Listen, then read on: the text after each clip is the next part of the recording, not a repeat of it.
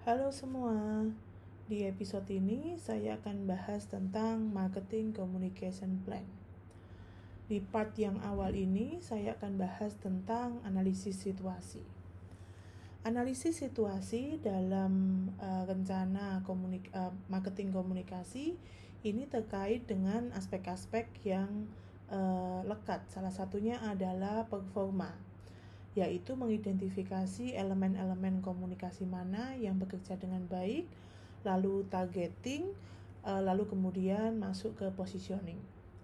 Nah, eh, ini semua sebenarnya tergantung dari eh, hal-hal yang terkait dengan posisi produk atau layanan ini. Bagaimana produk itu diterima di benak target market kita. Di bagian penting dari analisis ini itu adalah market atau pasar dan strukturnya. Nah, struktur ini yang nanti kita bahas. Mulai dari bagaimana pasar itu bisa tersegmen, lalu segmen apa yang sebenarnya paling cocok untuk dijadikan target market, apakah target marketnya itu cukup besar, nah lalu apakah target market itu cukup profitable atau cukup menguntungkan? Apakah terlihat di kompetisi? Lalu bagaimana dengan distribusi dan channel-channel komunikasi yang sudah ada? Apakah customer itu cukup puas dengan masing-masing uh, target? Lalu apakah mereka melakukan uh, pembelian kembali atau repurchase? Seperti yang kita bahas kemarin, ini juga ada kaitannya sebenarnya siapa yang melakukan pembelian atau terkait dengan decision makingnya. Nah, eh, ini semua juga terkait dengan eh, apakah semua pembelian produk atau produk-produk ini juga di eh, terkait dengan opini atau pendapat dari beberapa orang. Bisa jadi opinion leader, bisa jadi um, selebgram atau dan lain sebagainya.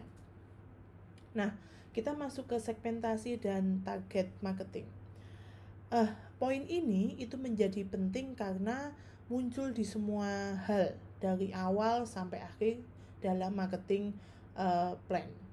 Nah, uh, target marketing itu men, um, mencakup dari divisi divisi-divisi uh, yang uh, cukup besar atau cukup luas dari uh, market kita, di mana pada akhirnya uh, itu dibagi dalam segmen-segmen yang lebih kecil. Nah, segmen-segmen ini pada akhirnya yang membutuhkan uh, pola dari respon masing-masing. Segmen mana yang pada akhirnya yang paling menarik ini adalah yang akan ditarget oleh organisasi tersebut. Target market yang menarik itu yang pada akhirnya akan menjadi target market yang paling menguntungkan atau profitable. Contohnya, ketika kita pada akhirnya mengambil segmen e, mana sih segmen yang menguntungkan buat kita? Contohnya adalah segmen e, masyarakat yang letaknya itu dekat dengan perusahaan gitu.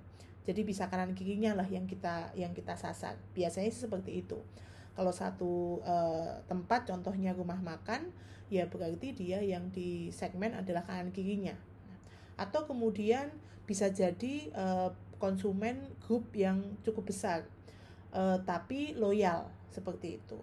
Atau kemudian bisa jadi uh, pengguna produk yang uh, sangat uh, sering di uh, sering pakai seperti itu.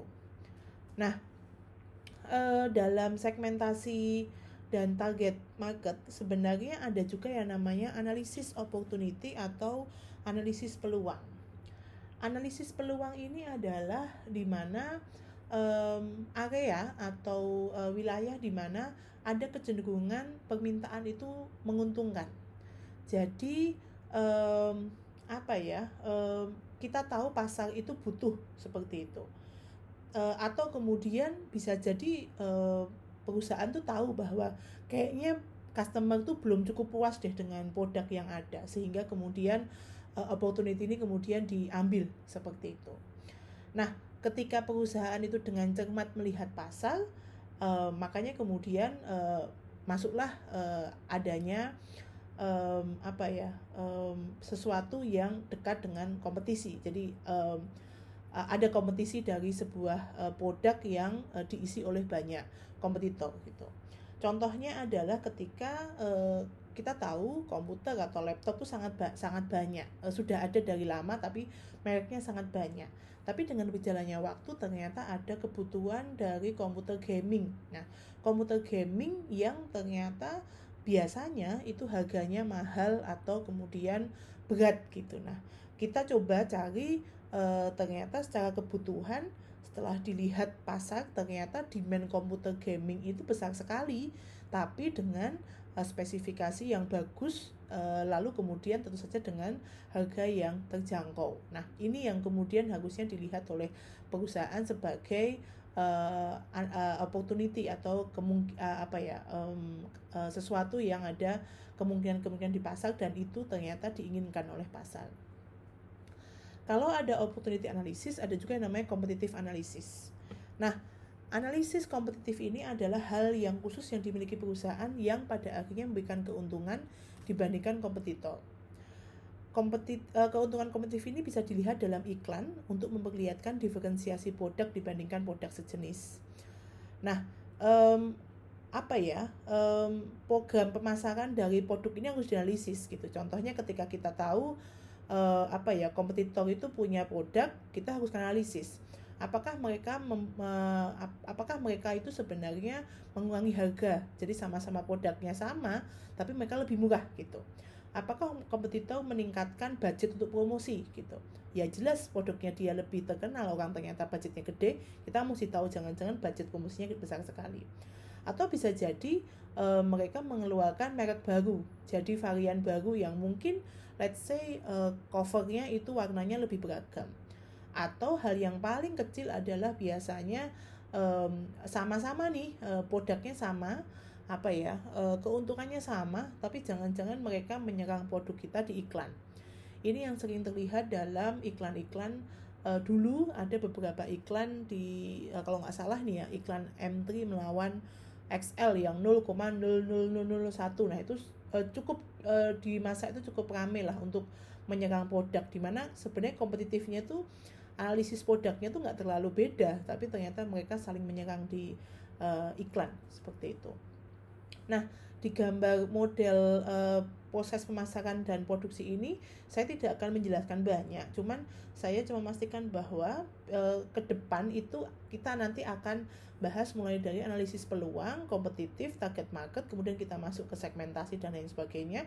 Baru uh, setelah besok UTS kita masuk dalam uh, toolsnya masing-masing. Nah, di sini kita mulai dari uh, segmentasi pasar. Segmentasi pasar uh, artinya uh, yang tadi kita bahas ada tiga. Segmentasi pasar ada um, uh, uh, artinya adalah membagi pasar menjadi beberapa bagian atau segmen sesuai dengan namanya yang dapat ditentukan, dapat diakses, dapat ditindaklanjuti dan menguntungkan serta memiliki potensi. Jadi harus tahu bahwa segmen ini bakal menguntungkan. Jangan mengambil segmen yang kayaknya nggak bakal nguntungin. Nah ini yang kemudian mesti dipastikan. Lalu kemudian T, targeting itu adalah proses mengidentifikasi segmen yang paling menarik dari tahap segmentasi, biasanya menguntungkan untuk bisnis. Jadi kita nentuin segmen-segmen ini apa nanti kita bahas di slide berikutnya ada yang usia A eh, kita lihat dari oke okay, segmen kita ambil dari segmen usia segmen eh, jenis kelamin perempuan kita ambil dia adalah eh, perempuan di kota besar. Nah, nanti di targeting kita lihat lagi perempuan itu perempuan usia berapa? Oh, usia produktif contohnya dari usia 15 sampai uh, eh, 50 contohnya. Nah, itu berarti masuk ke targeting.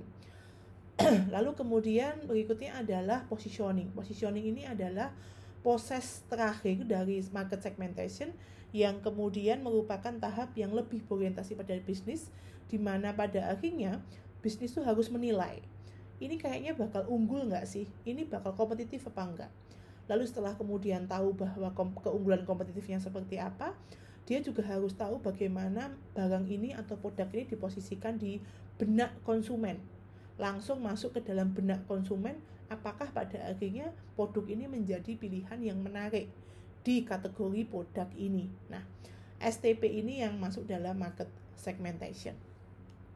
Lalu kemudian kita masuk dalam contoh-contoh segmen uh, audience. Pertama adalah demografi. Nah, demografi ini paling uh, harus segera dijelaskan sesegera mungkin kalau enggak nanti bisa kacau gitu pertama adalah dari uh, usia lalu kemudian jenis kelamin pendapatan lalu kemudian uh, apa ya pendidikan lalu kemudian bisa jadi etnis bisa kemudian uh, status perkawinan lalu kemudian uh, size-nya ada yang SML lalu kemudian bagaimana dia hidupnya di urban atau rural atau uh, dan lain sebagainya lah seperti itu.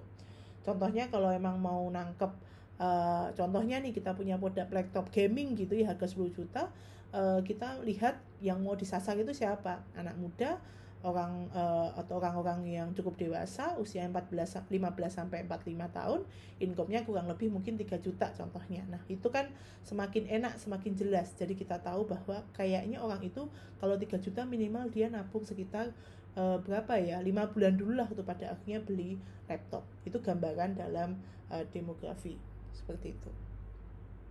Berikutnya adalah uh, segmen lifestyle atau uh, gaya hidup. Nah, gaya hidup ini sebenarnya uh, sedang populer saat ini karena ternyata uh, sangat meningkat dengan adanya variasi uh, dari media uh, digital atau internet saat ini. Contohnya adalah um, terkait dengan hobi, lalu kemudian hal-hal rekreasi atau traveling, entertainment, uh, lalu kemudian uh, apa ya, uh, piknik, lalu apa pun yang tidak terkait dengan pekerjaan. Uh, contohnya adalah di sini um, adanya majalah, di sini contohnya majalah bola yang uh, saya nggak tahu nih sekarang masih ada apa enggak, tapi sempat populer di saat itu. Nah ini berarti memang majalah itu dibuat untuk kebutuhan uh, lifestyle. Lalu nomor tiga adalah uh, apa kepercayaan atau value atau hal-hal uh, yang terkait dengan nilai dari hidup kita yang mengarah pada religius, hal-hal agama, political, uh, hal-hal politik, lalu nasionalisme, lalu kemudian uh, kepercayaan. Uh, contohnya adalah bank syariah. Nah, sek, uh, kriteria segmen di sini hal yang uh, perlu dipahami ada empat, di mana pada akhirnya kriteria segmen ini sesuatu yang perlu dilihat apakah produk kalian itu kalau kalian launch ke lapangan itu benar-benar akan ada yang beli apa enggak. Pertama adalah bisa terukur atau terukur measurable.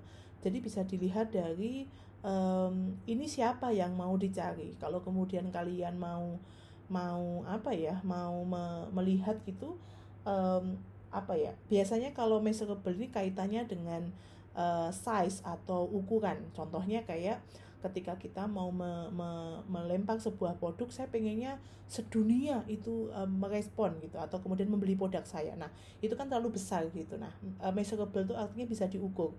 Contohnya ketika sebuah produk di launch itu ya sudah itu biasanya segmennya adalah segmen-segmen um, apa ya negara lah maksimal. Kalaupun sekarang ada yang segmen um, apa ya uh, worldwide atau negara uh, luar bisa masuk ke beberapa negara itu biasanya sudah sangat besar contohnya kayak produk-produk sekelas uh, Google, sekelas iPhone, sekelas uh, Netflix. Nah, itu kan size-nya harus jelas gitu. Nah, itu saja ternyata ketika masuk dalam Indonesia uh, punya uh, apa ya punya hal-hal yang lebih uh, lebih lokal gitu. Ada ada ada unsur kelokalitasan. Nah, itu yang kemudian harus dijelaskan seperti itu. Accessibility atau dapat diakses. Jadi um, segmen tuh harus bisa dijangkau. Contohnya adalah uh, di sini untuk melihat kemampuan kita untuk berkomunikasi dengan uh, segmen yang ingin kita tuju. Contohnya nih yang seperti saya bahas tentang uh, minuman, minuman apa? Minuman susu bayi itu kan yang kita, kita itu produknya untuk bayi tapi yang menjadi decision making kan orang tua atau ibunya. Nah berarti kita harusnya tetap bisa berkomunikasi dengan ibunya gitu. Jadi itu yang namanya accessibility. Jadi walaupun produknya itu dalam tanda kutip kita nggak bisa ngobrol langsung sama bayinya gitu tapi kita bisa ngobrol sama uh, decision makingnya. Nah itu yang uh, terkait. Lalu kemudian uh, sustainability, jadi uh, keberlanjutan kita harus tahu bahwa apakah produk ini punya uh, sisi profitable apakah kemudian punya hal-hal yang membuat uh, apa ya membuat untung di kemudian hari tidak hanya hari ini tapi untuk di kemudian hari karena kita mem menggunakan uh, menggunakan pikiran bahwa akan bisa terpakai dalam waktu lama Lalu kemudian relevan. Relevan di sini uh, uh, mesti dikaitkan dengan produk kalian. Kalau punya produk itu yang benar-benar uh, keuntungan atau benefit dari produk itu relevan sama kebutuhan target.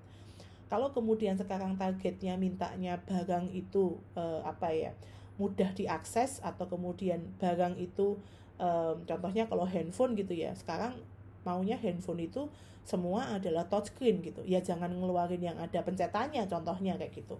Kalaupun ada pencetannya harus kemudian ada target uh, konsumen yang ingin dicari gitu. Nah jadi uh, relevan itu sesuatu yang uh, lihat biasanya kaitannya sih um, apa ya kaitannya sih uh, kaitannya dengan apa ya uh, updating lah. Jadi sekarang itu customer tuh mintanya apa kita layani gitu. Bukan kemudian dalam tanda kutip egois gitu. Nah itu yang kemudian harus disesuaikan dengan kondisi pasar. Di sini ada segmentasi berdasarkan personal kom, uh, personal konsumen akhir, ada umur, jenis kelamin, pendidikan, mobilitas, pendapatan, pekerjaan, status perkawinan, ukuran keluarga, teknis lokasi banyak sekali. Nah ini silahkan kemudian disesuaikan dengan um, apa masing-masing lah gitu. Lalu kemudian dalam hal ini ada tahapan-tahapan dari target marketing um, yang sudah ada. Tahapan pertama ketika segmentasi itu adalah mengidentifikasi uh, kebutuhan customer dan segmen pasar. Um, di sini uh, kita lanjut kepada um, target market. Nah, target market ini kata kuncinya ada di demand analysis atau kemudian analisis kebut analisis uh, kebutuhan atau analisis uh, permintaan lah gitu. Di mana kemudian kita lihat, kita mengevaluasi lagi dari segmen yang ada uh, sebelumnya jadi yang dibutuhkan itu siapa gitu kalau memang jangan jangan-jangan sekarang kita tahu bahwa uh, apa namanya uh, skincare itu tidak cuma dibutuhkan oleh wanita saja jangan-jangan dibutuhkan oleh pria saja. Nah itu yang namanya menganalisis kebutuhan yang ada di lapangan. Lalu kemudian adalah positioning. Nah positioning itu juga perlu mengidentifikasi tentang brand. Branding seperti apa yang pada akhirnya masuk dalam alam bawah sadar uh, subconscious dari uh, konsumen gitu. Karena kemudian harus disesuaikan dengan uh, value-nya dan lain sebagainya. Dan yang terakhir nanti kita baru masuk ke planning dari marketing uh, tools-nya. Nah, contohnya ini. Jadi uh, mungkin teman-teman yang cowok-cowok nih kayaknya lebih paham nih yang tentang mobil gitu. Kebetulan saya dapat referensinya dari um, website kayaknya Eropa kalau nggak salah di mana ternyata dalam mendefinisikan mobil itu ada empat ada apa ya empat kriteria lah gitu ada sporty uh, ada luxury yang mewah ada yang family ada yang ekonomi gitu. Ekonomi berarti harganya terjangkau family biasanya untuk bisa untuk keluarga sporty ya kayaknya sporty dan lain sebagainya. Nah di sinilah kemudian kita tahu bahwa sebenarnya ketika kita masuk dalam satu segmen saja uh, contohnya nih segmen ekonomi dan segmen family gitu. Ada dalam gambar ini minimal ada tiga gitu. Ada Toyota Aygo ada Vauxhall Insignia lalu Volvo gitu contohnya.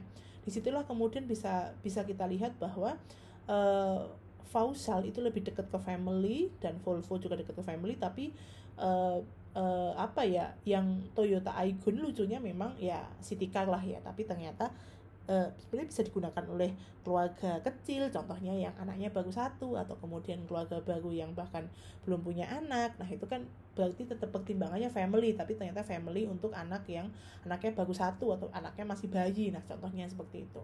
Bisa kalau kemudian kita membandingkan di kelas sporty and economy ternyata lebih banyak. Ada satu dua tiga empat lima. Ada lima mobil dalam uh, segmen ini seg, apa namanya di cluster ini. Cluster yang rupanya sangat uh, banyak gitu. Jadi pengen ekonomis tapi juga sporty. Nah, jadi semakin ke arah sporty berarti se di biasanya sih ya agak nggak agak mahal gitulah ya. Tapi kemudian kalau lebih dekat ke ekonomi berarti um, sportinya nggak terlalu tapi lebih ke ekonomi gitu. Nah, butuh juga untuk yang uh, apa cluster sporty luxury dan uh, luxury family. Nah, dari sinilah kemudian sebenarnya bisa ketahuan bahwa sebuah produk di launch itu mesti mempertimbangkan banyak hal. Tidak cuma sekedar uh, mobil dan mobil untuk apa? Um, orang tuh biasanya beberapa orang yang sudah sampai beberapa level di atas itu beli mobil tidak cuma untuk oke okay, saya mau buat kantor atau saya mau buat jalan-jalan tapi saya pakai untuk uh, pet saya. Nah uh, kebanggaan saya itu yang dicari bagian mana?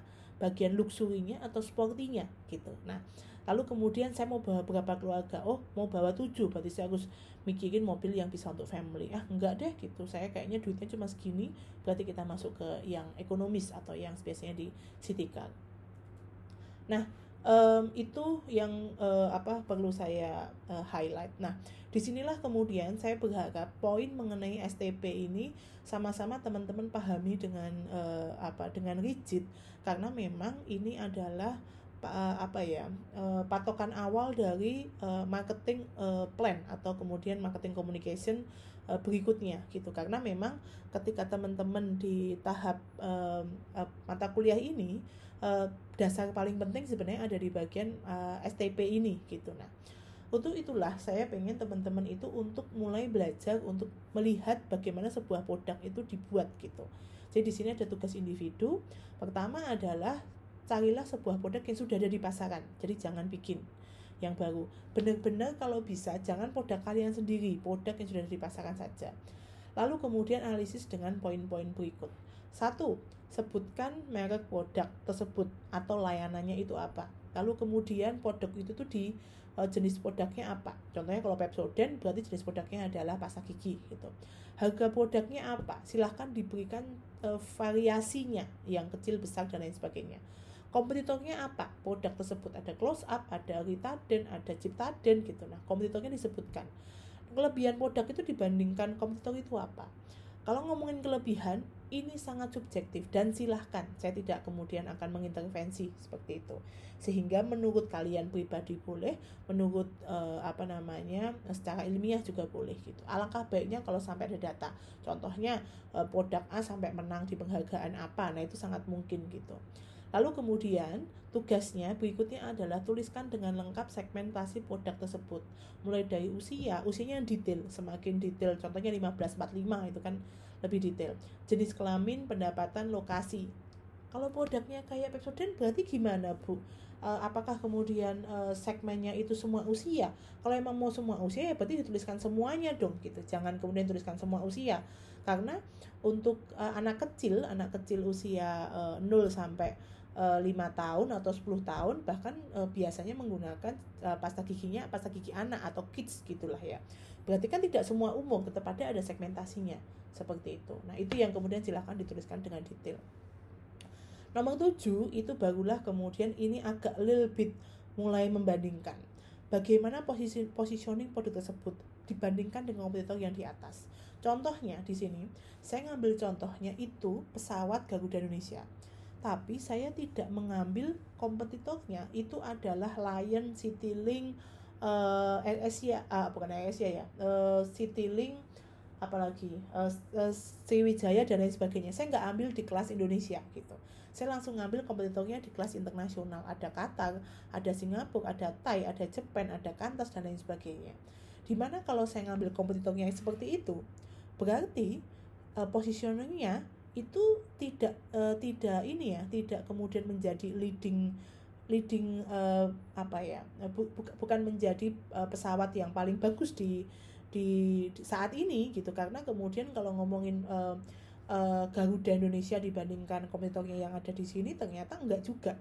Ternyata uh, Indonesia uh, bahkan tidak masuk dalam 10 besar 10 besar um, apa namanya uh, saya lupa salah satu penghargaan uh, di flight gitu. Nah sehingga kalau seperti ini harusnya positioningnya ya bilang aja bahwa um, apa ya sama sama-sama kemudian kalau ngomongin Garuda gitu ya jadi nanti silakan harganya disesuaikan. Contohnya kemudian dari Jakarta uh, ke Tokyo gitu. Berarti kalau Jakarta Tokyo untuk Garuda itu harganya contoh nih 7 juta gitu ya. Terus kemudian Singapore Airlines uh, mungkin 10 juta dan lain sebagainya. Nah kalau seperti ini berarti uh, kompetitornya itu lebih baik apa kemudian uh, lebih buruk gitu. Silahkan kemudian disesuaikan. Sehingga di individu uh, di tugas individu ini menurut saya teman-teman bisa benar-benar melihat apakah produk ini benar-benar bagus apa enggak sih. Jadi brand itu beneran bagus apa enggak silahkan dilihat dari minimal produknya dulu. Nanti barulah kita ngomong cara jualnya di pertemuan berikutnya setelah UTS itu dulu ya. Terima kasih.